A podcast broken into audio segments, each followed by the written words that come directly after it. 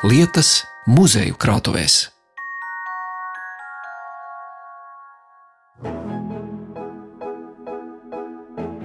Jaunu mācību gadu uzsākot, ielūkosimies Latvijas Universitātes muzeja kolekciju krājumā.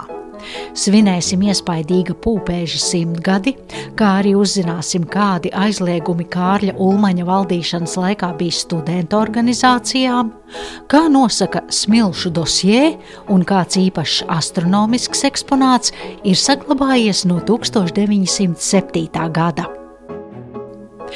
Doma par muzejisko vērtību vākšanu, glabāšanu un popularizēšanu Latvijas universitātē rodas līdz ar pašas augstskolas izveidošanos, tātad ar 1919. gadu. Universitātes muzeja kolekcijas pamatā bija paredzētas akadēmiskai apmācībai un zinātniskai pētniecībai. 1930. gadā izskan ierosinājums apvienot šos mācību kabinetus muzejus vienotā un vispārējā Latvijas Universitātes muzejā. Tomēr fakultātēm nespējot rast vienprātību minētajā jautājumā, iecerē netiek īstenota. Pēc 1940. gada Latvijas Universitātes muzejiskās vērtības netiek audzētas. Daudzas muzeja kolekcijas tiek iznīcinātas, liela daļa vērtīgo priekšmetu pazūd bez vēsts, daļa nokļūst valsts muzeju krājumos. Jauns posms Latvijas Universitātes vēstures izpētē sākas pagājušā gadsimta 80. gadu beigās, kad tiek atjaunota iecerē par vienota universitātes muzeja izveidošanu. Pēc neatlaidīga organizatoriska darba 1990. gadā tiek izveidots Latvijas Universitātes muzejs ar sešām filiālēm. Tik tālu ir lasāms Latvijas Universitātes muzeja interneta informācijas vietnē. Bet nu gan ielūkosimies četrās no septiņām kolekcijām, kur glabājas vareni interesanti priekšmeti. Piemēram, neko nezinot par to, kādu sēni vai augu man rādīs botānikas un mikoloģijas kolekcijā, es sastapos ar simtgadnieku, kuram šī nozīmīgā dzimšanas diena apritēja šī gada 2. septembrī ar milzīgo eksponātu, kas izskatās pēc iepelēkas punainas bumbas vai citplanētiešu dinozauru olas, mani iepazīstina botānikas un mikoloģijas krājuma glabātāja Daiga Jamonte. Nevarētu teikt, ka pievilcīgs, bet iespaidīgs objekts. Un es minēju, ka tas ir pūpēdis, un es sapratu, ka nu, tik tālu es esmu uzminējusi. Bet, jā. jā, tik tālu ir pareizi. Tas ir milzīgs apaļpūpēdis, un kas tiešām ir ne tikai Latvijā lielākā sēna. Kas ir sastopama? Nu, šis ir ļoti liels eksemplārs, un tam pievilcīgs skats. Viņam ir tik pievilcīgs, cik gan var būt simtgadniekam pievilcīgs skats. Jo šīs pūpēdis ir atrasts 1922. gada 2. septembrī ir pavisam droši dati. Atrasts viņš ir Rīgas sarkankalnu vaiprātīgo iestādē, kur parkā atradas kāds mēms slimnieks. Iestādes direktors Hermans Buduls, kurš ar Latvijas Universitātes mācību spēks bija medicīnas fakultātē, tūlīt pat to nogādāja botānikas laboratorijai. Un tā arī Šeit tas ir glabājies Latvijas Universitātes botānikas laboratorijā, vēlāk botānikas katedrā, un nu, viņš ir nokļuvis muzejā. Un, nu, jāatzīst, ka nu, ieraugot milzā paļpūpēdi, jūs katrs viņu ieraudzīsiet un garām nepaiesiet. Cik, eh, kāda ir tie pūpēžu apkārtmērs? Šis konkrētais pūpēdis ir 103 cm apkārtmērā. Mums ir arī ziņas, ka svaigs viņš ir svērs 14 mārciņas, nu, tas ir apmēram 6 kg. Parasti viņš ir mazāks, nu, teiksim, viņš varētu būt tāds futbola bumbas lielumā, vai arī vēl mazāks. Bet kas vēl šim pupēdim ir labs un jauks, tā kā jāatrodiet, neiet garām, nespārdiet, ja viņš ir svaigs un balts. Laba ēdama sēne, kuru nevajag vārīt, grieziet gabalos, cepiet un ēdiet. Es arī esmu dzirdējis, ka pūpēži ir arī lietojami pārtikā. Nu, ne visi, bet ar šo ir droši, un ar šo ir droši arī tāpēc, ka ne ar vienu citu sēni mēs viņu nesajauksim.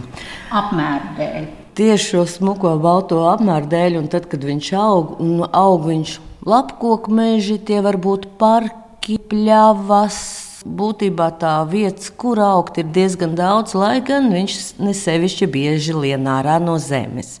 Jo, kā mēs zinām, sēne nav tas, ko mēs redzam ārā. Sēne ir micēlīs. Tā sēne tur dzīvo, bet tos augļus mums parāda ne katru gadu. Viena tāda vieta ir tepat Universitātes botāniskajā dārzā, kur pirms dažiem gadiem bija bieza ar apaļpūpēžiem, bet nu, jau dažus gadus nesmu redzējusi. Bet, nu, saglabājies ir, bet kā krājuma priekšmets viņš ir ļoti problemātisks, jo principā viņš mums tagad stikla kastītē stāv un labāk viņu neaiztikt. Lai gan viziņa, kas viņam ir apkārt, ir sakaltusi gana cieta, gan izturīga, tā viegli pieskaroties nesabojās. Tieši tas mani interesēja. 1922. gadā tas pūpēdis ir atrasts, Buduls ir atnesis uz universitāti. Vai tas ir pūpēža izbāznis, vai viņš ir iebalzamēts, vai tur ir iekšā kaut kas, jo kā var tiešām tādu lielu sēni saglabāt? Nē, pūpēdis ir pats savā dabiskā procesā sakaltis. Un šāds sakalts viņš arī glabājas, jo sēnes muzeja krājumos Nu, Latvijā mums ir divi muzeji, kas glabā sēnes, mēs un dabas muzejs. Viņas lielākoties tiek glabātas skaltētā veidā, jo nav jau citu variantu. Viņas jau var fiksēt fotografijās, zīmējumos, bet, ja mēs gribam pašu sēni, tad kaltēšana ir vienīgais veids. À, tas viss mitrums ir izkaltis, un tā čaula ir nu, tik gana, kā jūs pirms tam teicāt, stipra, lai tagad stikla kastē iepakots vēl. Jā, stāvēt. Ir grūti prognozēt, cik ilgi. Bet eh, ņemot vērā šo procesu, kas ir notikuši šo simts gadu laikā, šķiet, ka vēl priekšā labs mūžs kā eksponātam. Varam vēlēt daudz laimes nulli pagājušajā dzimšanas dienā pūpēdim Goliātam, jo, kā Daiga Jamonte teica, parasti sēnes kolekcijā nonāk anonīmas, nav zināms ievākšanas datums, vieta un pats vācējs, un tāpēc nozīmīgi ir arī tas, ka te ir fiksēts laiks un vieta un zināmas pūpēža atrašanā iesaistītās personas.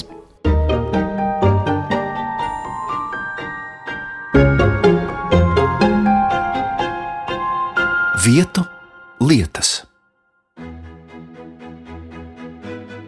Nākamais priekšmets ir no Latvijas Universitātes muzeja vēstures kolekcijas. Pāris melnbaltas fotogrāfijas, kurās ir redzami studenti pulcējoties 18. novembra gājienam 1938. gadā. Vienīgais, kas norāda uz studentu piederību tai vai citai korporācijai, ir deķeļi jeb galvas segas. Kāpēc radioraidījumam tika izvēlēti šie fotoattēli, par to stāsta vēsturnieks un vēstures kolekcijas krājuma glabātājs Rudolfs Rubenis. Te ir redzams, ir uh, Latvijas Universitātes studentu akadēmisko mūža organizāciju, tas tradicionālais gājiens no LU galvenās ēkas, Raņa būvā arī 19, līdz pat Rīgas brāļu kapiem, kas notiek katru gadu 18. novembrī agri no rīta.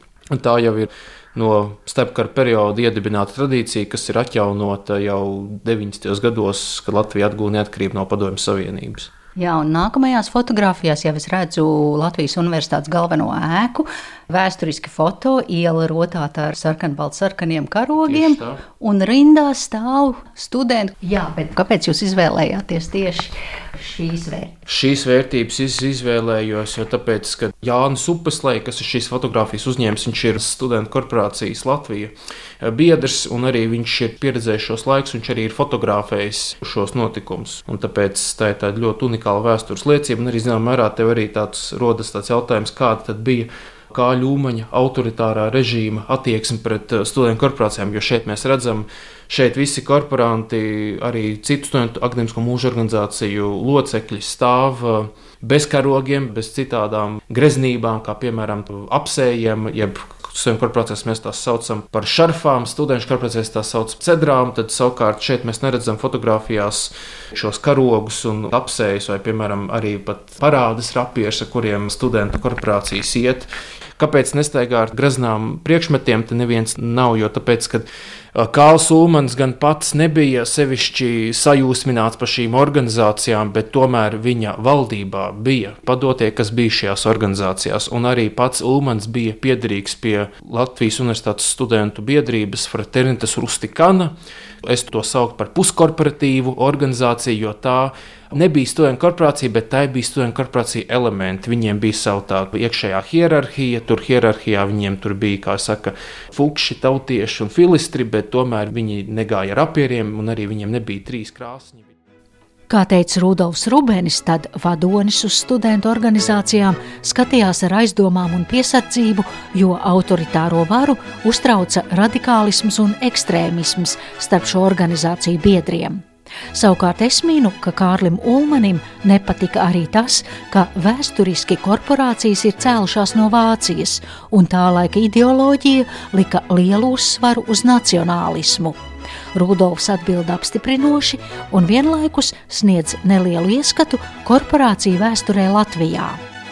Studentu korporācija tradīcija tā ir vācu tradīcija. Tā jau 19. gadsimtā Baltijā, tajā laikā no Baltijas guberņas, Krievijas impērijā, Igaunija, Vidzeme Kurzeme tieši Terbatas Universitātē un arī Rīgas Politehnikumā šīs studiju korporācijas dibinājās. Pirmās tās, protams, bija vācu, pēc tam dibinājās tur poļu, latviešu, krievu un, protams, arī igauņu. Interesantais tas, ka pirmā latviešu studiju korporācija dibinājusies ir Terbatā, tā ir Letonija, un savukārt pirmā igauņu studiju korporācija Vironija, tā ir dibinājusies pie Rīgas Politehniskā institūta. Tas ir ļoti interesanti, kad latvieši dibinās Igaunijas teritorijā un savukārt igauņi dibinās um, Latvijas teritorijā. Bet nu, fakts paliek fakts, ka nu, korporantu sabiedrība bija ļoti polarizēta. Vieni simpatizēja Kārlim Ulmanim, otri tur nesimpatizēja. Jā, bet tas fakts, vai tas bija tāds aizliegums, tas, tas bija kaut kas tāds, lai, lai, lai, lai neizceltos uh, kā ļūmaņa autoritārismu režīma priekšā, jo nedemokrātiskām varām nepatīk, ka tādas nu, slēgtas, specifiskas organizācijas sāk publiski rādīties ar saviem goda graznumu priekšmetiem, un, kas varētu teikt, kā izaicināt pastāvošo varu.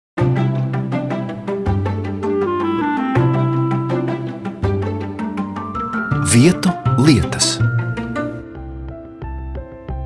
Tik tālu Rudolfs Rubens par studentu korporāciju vēsturi Ulmaņa valdīšanas laikā, bet turpinājumā ieskats geoloģiskās kolekcijas smilšu graudu vēsturē, ko piedāvā Latvijas Universitātes muzeja eksperte, geoloģijas zinātņu doktore Vija Hodirēva.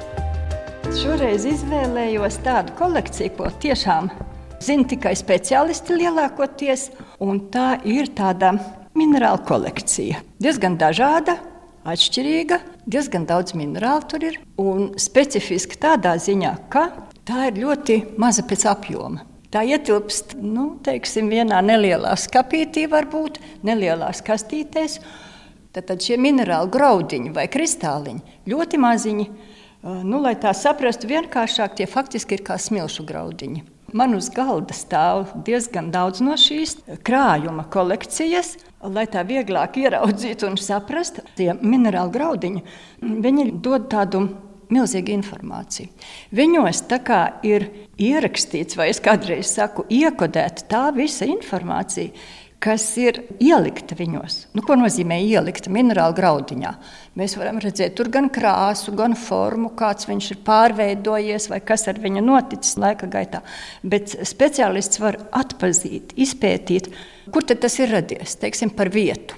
Nu, es ar jūsu laipnu atļauju, te ir vairākas Petrija platītes izliktas, kur ir dažādi šie minerāli. Vai es drīkstu izvēlēties, tā kā mēs ņemam vienu pērli Sarkana smilts ar granātiem, un kā uzraksts vēstīja, no pludmales pie vedzemiem. Te mēs zinām, tagad tas ir Limbažu novads, vedzemju klintis, aiz tūjas, aiz duntes, un te ir paņemta sarkana smilts ar granātiem. Tieši un tā. tāda arī ir. Es ar lupu skatos, jā, jā tur var sarkanīgi, pat vēl lielākā palielinājuma. Caurspīdīgi, pelēki, rupji, smilšu graudiņi. Un ko tad tie mums var pastāstīt? Kā redzam, tās ir pludmales smiltis. Faktiski esam konstatējuši, ka tās tiešām jūra izskalo. Tad, tad kaut kur jūras nogulumos ir arī tādi nu, teiksim, koncentrāts tāds, un tad, tad no jūras izskalotas. Esam pētījuši, turpat vedzem klintīs ir arī nu, devona smilšakmeņu augstas klintis, tur diezgan stāvi tie krasti ir, ir devona smilšakmeņi. Bet tajos izpētot eh, to minerālo sastāvu, mēs neatradām tik daudz un tik dažādus šos minerālus, kādus te atrodam paraugā. Nu, tas nozīmē, ka eh, tie devoni smilšakmeņi tajā vietā netika tā skaloti. Netika tā pārskaloti, mēs noteikti zinām, ka tie ir tad, tad nākuši no tādiem jūras nogulumiem, un tie savukārt ir no ziemeļiem, no, no Skandināvijas puses nākuši. Bet, nu, kādī, kāpēc tieši šis ir īpašs? Nu, jāsaka, tur tā informācija ir ļoti, ļoti daudz un ļoti daudzveidīga. Cik seni, cik gadi? Nu, mēs runājam par miljardiem, miljoniem. À, jā, par vecumu. Te es teiktu tā, jā, tur ir graudiņi, kas ir miljardiem gadus veci. Jo mēs zinām, ka Skandināvijā, piemēram, ir ieži, kas veidojušies tur 1,8, 2 miljardi gadus atpakaļ. Mēs zinām, ka tie ir tagad zemes virspusē un tiek pārskaloti vai izskaloti kā sadēdi. Tas nozīmē, ka arī šeit, šajā paraugā, ir šie ļoti senie minerāli, un iespējams ir arī teiksim, kaut kādi jaunāki no kaut kādiem jaunākiem iežiem. Mēs ļoti maz veicam tādas precīzās geoloģiskā vecuma analīzes. Tās ir diezgan sarežģītas, maz tās ir veiktas šeit pie mums. Un tā kā par vecumu jāsaka, tiešām ļoti seni minerāli, kas jau veidojušies ir miljardiem gadu atpakaļ. Un ļoti daudz cilvēku, kur šobrīd staigā gar veczemju klintīm, pa pludmali, viņi jā, uzkāpj uz zemes veidošanās vēsturi miljardu gadus sen, tā varētu teikt. Jā, tieši tā mēs arī sakām. Jo ļoti pārsteigti vienmēr ir gan mūsu apmeklētāji, gan visi citi. Ja es saku, ka lūk, jūs pat rokās varat paturēt un, un paskatīties, papētīt, kāda ir viena no vecākajiem minerāliem, kurus mēs tiešām rokā varam turēt. Jo parasti jau šie ieži ir diezgan dziļi, un, un, un parasti mēs viņus neredzam. Ļoti dziļi jāurbi, lai tos paraugus dabūtu. Bet šeit mums viņi ir saskaloti virspusē. Un tie sarkanie tie ir granāti. Tieši tā. Tie ir granātu kristāliņi. Ja mēs skatītos vēl lielākā palielinājumā, ne tikai lupā, mēs ieraudzītu tur tādus ļoti pareizus kristālus. Tad mēs ieraudzītu tādus nu, tā sīkus solīšus, pilnīgi apaļus. Jā, gandrīz apaļus ar tādu ļoti īpatnēju virsmu. A, jūs rādāt šobrīd grāmatā, ja tā virsma ir tāda poraina, ir iedoma. Jā, tieši tā. Jā. Jā, jo tie graudiņi ir ceļošanas laikā piemēram, no Skandināvijas, no ziemeļiem, ir pārcietuši daudz dažādu procesu iedarbību. Un ļoti bieži no tās virsmas, nu, kādi tie iedobumi, cik dziļi, cik uh, lieli, cik bieži sastopami, cik daudz tur noerodējas graudiņš.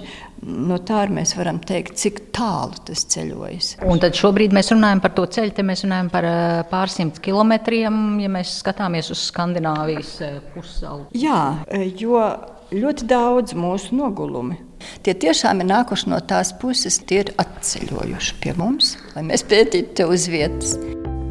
Tātad vidzemes jūrmalā veczemju pludmalē esošās smiltis ir vairākus miljardus gadus senas, atceļojuši pie mums no Skandināvijas un vēl aizvien slēp sevi informāciju, kuru zinātniekiem ir jāpēta.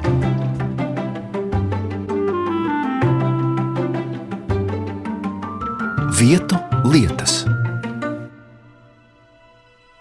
Un noslēgumā pievēršamies Universitātes Latvijas astronomijas vēstures kolekcijai. Astronoms, pedagoģijas zinātņu doktors Ilgons Vilks man demonstrē krājumu priekšmetu, ko drīz arī varēs redzēt ekspozīcijā. Planēta apkārt ir šie pavadoņi uz stieplītēm, te ir tie gredzeni, kas sajūgt kopējā mehānismā, un te mēs redzam gan mēnešus, gan datumus, šeit lejā ir kloķīts, un kad to sāk griezt, tad sāk lietas. Pavadoņi!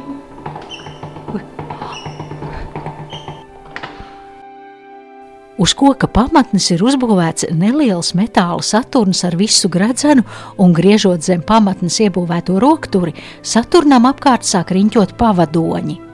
Šādu visai unikālu eksemplāru pagājušā gadsimta sākumā uzbūvēja Vēncpils pusē esošās Anna Hites stikla fabrikas pārvaldnieks. Kam domāts šis modelis un kas ir tā būvētājs, to stāsta Ilgonis Vilks. Tāds kā apaļš bundulis, tāds vairāk plats nekā augsts, un vidus viņam ir stiklots, un tur iekšā var redzēt visādas mehānismus, ķēdes, un viņam sānos ir roktors, ko griež uz riņķi, un augšā arī kaut kas griežās. Nu tad, laikam, jāatklāj tas noslēpums. Mēs zinām vārdu planetārijas planetārijas, tā ir vieta, kur iet skatīties, kur kaut kāds aparāts demonstrē zvaigznes.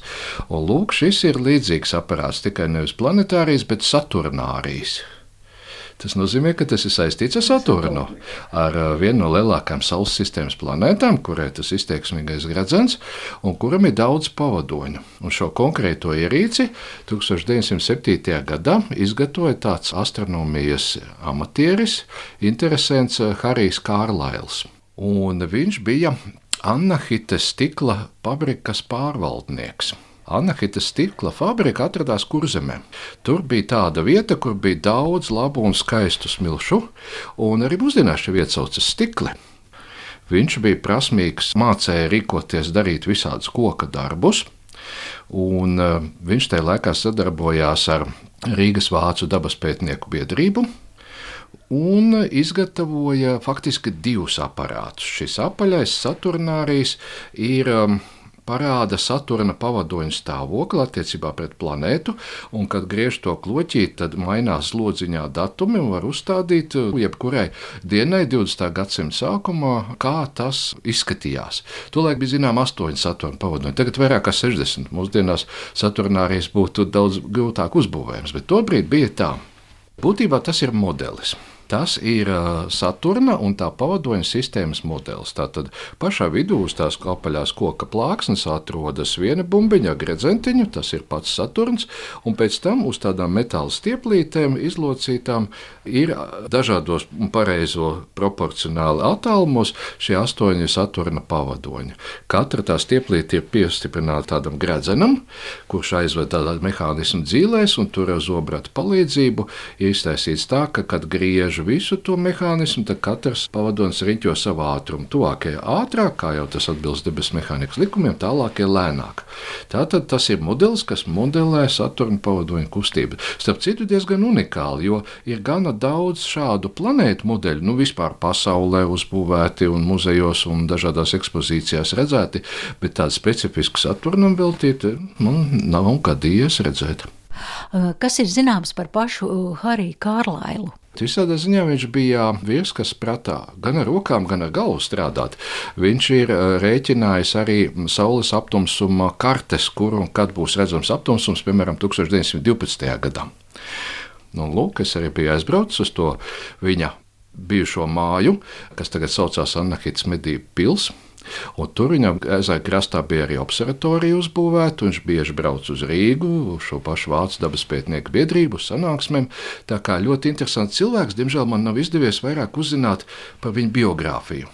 Ne īsti, kad viņš un kā ir nonācis Latvijā, pēc uzvārdu spriežot, varbūt viņš ir brits. Un kā viņš varbūt Pirmā pasaules kara laikā devies projām, ar to brīdi ziņas par viņu apraujās. Un tad var lūgt radioklausītāja, kurš ir astronomijas vai Latvijas vēstures ja, interesants. Ja zina kaut ko par Hariju Kārlēlu, tad var ziņot jums. Jā. Vai arī varbūt ir stikla vietējais iedzīvotājs, un kuram ir bijis kāds sakars ar to māju, cik es saprotu, tur ir bijuši komunālie dzīvokļi. Tā kā varbūt kāds atsauksies. Tas bija ieskats mūsu zinību krātuves priekšmetu krātuvēs. Par Latvijas Universitātes muzeja kolekcijām stāstīja astronoms, pedagoģijas zinātņu doktors Ilgonis Vilks, ģeoloģijas zinātņu doktore Vija Hodireva, vēsturnieks un vēstures kolekcijas krājuma glabātājs Rudolfs Rubenis un botānikas un mikoloģijas krājuma glabātāja Daiga Jamonte. Raidījumu veidoja Zane Lāce Baltāksne. Vietu lietas.